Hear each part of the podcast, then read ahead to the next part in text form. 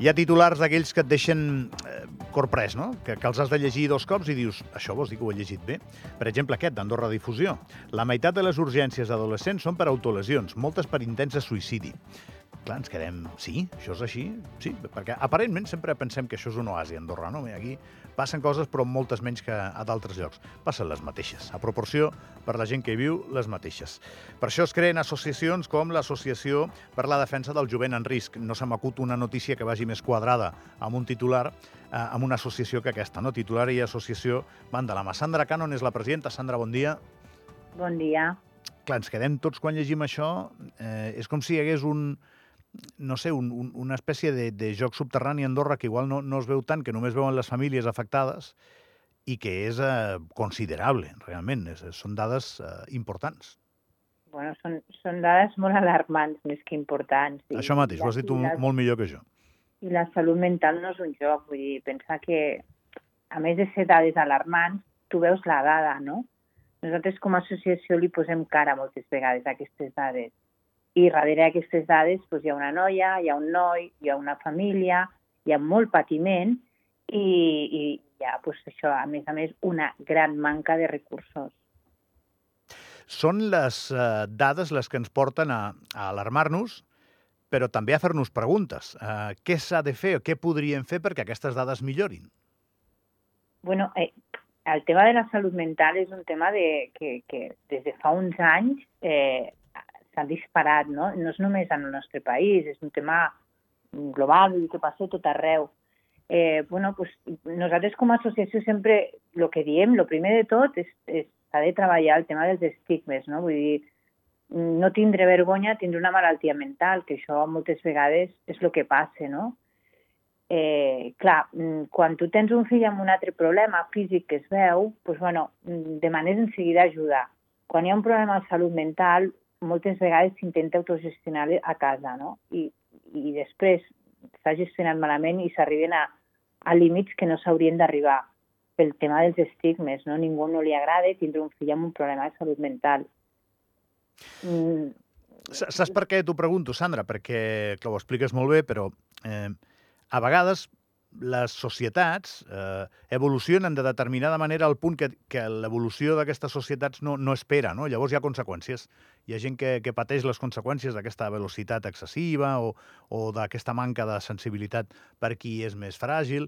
Bé, això passa, no ens passa només a nosaltres, no? I, i hi ha qui ho dona com una conseqüència inevitable. I, i crec que potser el debat interessant és què és el que és evitable, no? Per això la meva pregunta anterior.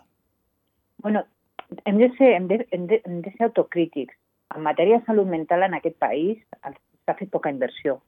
És veritat que ara estan tots, estem tots més sensibilitzats i s'està treballant molt. Però, clar, poder una feina que s'hauria d'haver fet abans no s'ha fet.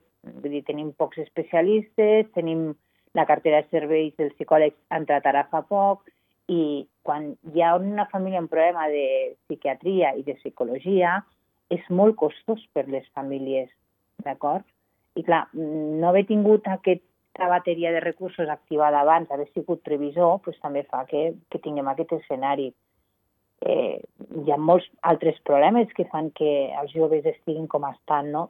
no saben treballar la frustració, eh, no, no, no s'ensenya amb, amb emocions, no s'educa amb emocions eh, nosaltres sempre ho diem, no? que a les escoles trobem a faltar aquesta assignatura de les emocions. I quan ho dius, què et contesten les persones que tenen capacitat per influir en els sistemes educatius, etc? Bueno, que, mira, per exemple, ahir vam tindre la taula institucional no? de, de salut mental i d'addiccions, i bueno, sembla que hi ha la voluntat, de, de, de, perquè veuen que hi ha un problema, però hi ha poca autocrítica el que sentim és que ja s'estan fent moltes coses, però com els hi vam dir nosaltres ahir, no? Si diem que veiem aquestes dades i per un altre costat vosaltres dieu que s'estan fent moltes coses, alguna cosa no s'està fent bé. S'inverteix molt poc en salut mental. Aquest debat és molt interessant, eh, Sandra? O sigui, moltes vegades assistim a, a conferències de premsa o actes en els que les administracions, no només és un vici d'Andorra, eh? t'exposen una llarga llista de coses que s'han fet i diuen, hem fet tot això. Clar, llavors la, la gran pregunta és, això ha estat efectiu o no? Que és el que tu m'estàs dient. La prova està en les dades, i mm -hmm. al final cauen, o sigui, la resposta la donen les entrades a urgències amb tants xavals angoixats. No funciona el que s'està fent.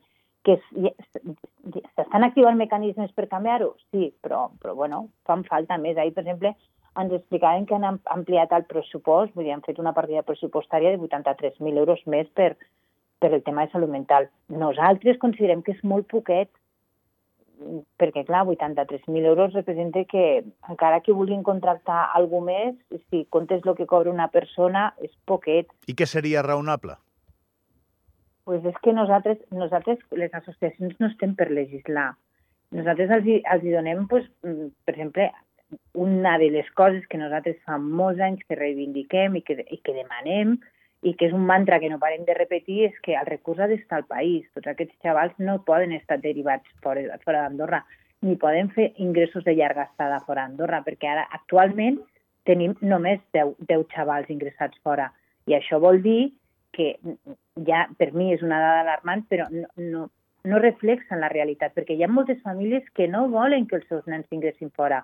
I a més a més, i ha, mm, als centres on es deriven els nens ja hi ha llista d'espera. El recurs ha d'estar al país, perquè si no, eh, també se'ls, des de les administracions, si no se'ls fa el recurs a Andorra, nosaltres considerem que també se'ls està estigmatitzant.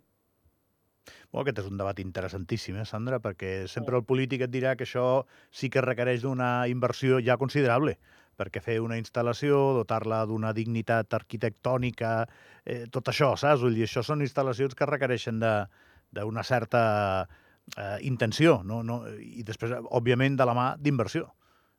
Bueno, però és que si no invertim en salut mental, el problema cada vegada, i, està bastant demostrat, cada vegada es fa més gran. Escolta'm, una última pregunta. Sandra, uh, t'has convertit en, en un interlocutor habitual per a aquestes coses. Pels mitjans això és molt agraït, perquè tenir una persona amb la que parlar d'això uh, simplifica molt la, la recerca i, i tu doncs, respons sense problema a aquestes preguntes perquè les tens uh, treballades. Um, el futur d'aquesta associació eh, tal com pinten aquestes dades, està assegurat. És a dir, tinc la sensació que cada cop tindreu més feina. Sí, però saps el que passa? Que nosaltres com a associació el que ens agradaria és dedicar-nos a fer campanyes, a fer, que ja les fem, eh? I treballar des d'un altre, des d'un altre vessant. No, no ens agradaria ser tan crítics, m'explico? Vull dir, clar, moltes vegades nosaltres com a associació tenim la sensació de que el nostre paper és de ser dolents. No, nosaltres, el nostre paper és de defensar les persones que estan sota el nostre paraigües. I ja ens agradaria només tindre que fer campanyes com la que vam fer l'altre dia al cinema, saps? De, de donar visibilitat al problema i de... Però és que fins que no trobem una solució entre tots, nosaltres hem de ser crítics. I ja, ja et dic, ens agradaria no ser-ho, eh? Bé, jo crec que en una societat el que vol és crítica i el que no, el que no, no. no passa res. Si sents que ho has de ser, només faltaria que no ho fessis. Sandra, moltíssimes gràcies, eh? A tu per deixar-nos participar i donar la nostra veu. Molt bé, que vagi molt bé.